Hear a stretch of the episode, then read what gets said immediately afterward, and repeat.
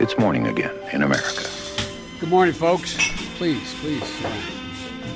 Come on, let's go. Let's go get some coffee. Thank you very much. Det er mandag 18. mai. Eric Trump tror demokratene bruker koronaviruset for å sverte faren, og målkaffen er servert. Dagens første sak. Tidligere president Barack Obama talte i helgen på to nasjonaldekkende og digitale uteksamineringsarrangement, såkalte commencements.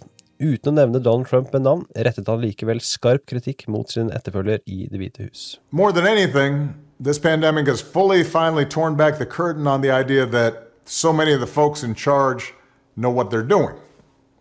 A lot of them aren't even pretending to be in charge.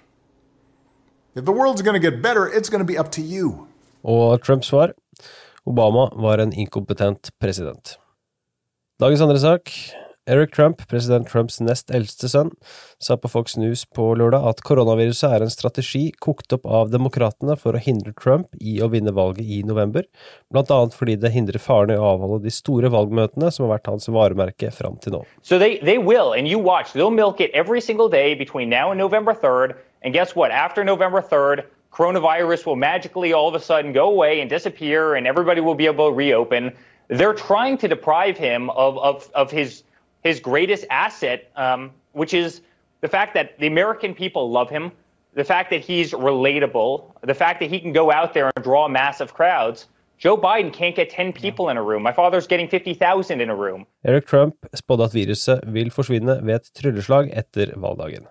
Dagens tredje sak. Representant Justin Amash, den uavhengige representanten fra Michigans tredje kongressdistrikt, vil likevel ikke stille som presidentkandidat for Det libertarianske partiet. Han hadde tidligere da opprettet en såkalt exploratory committee, han var ikke formelt en kandidat, og sa at han så nærmere på det. Han har nå konkludert med at eh, ting ikke lå til rette for at det skulle bli noe av et vellykket presidentkandidatur. I 2016 så fikk den libertarianske kandidaten Gary Johnson 3,28% av stemmene, men ingen valgmannsstemmer i selve valget. Han ble heller ikke stående på debattscenen. Dagens fjerde sak. Joe Biden leder med omkring 8 prosentpoeng over Donald Trump på et nasjonalt snitt over meningsmålinger, ifølge analytiker Harry Enton hos CNN og da tidligere 538.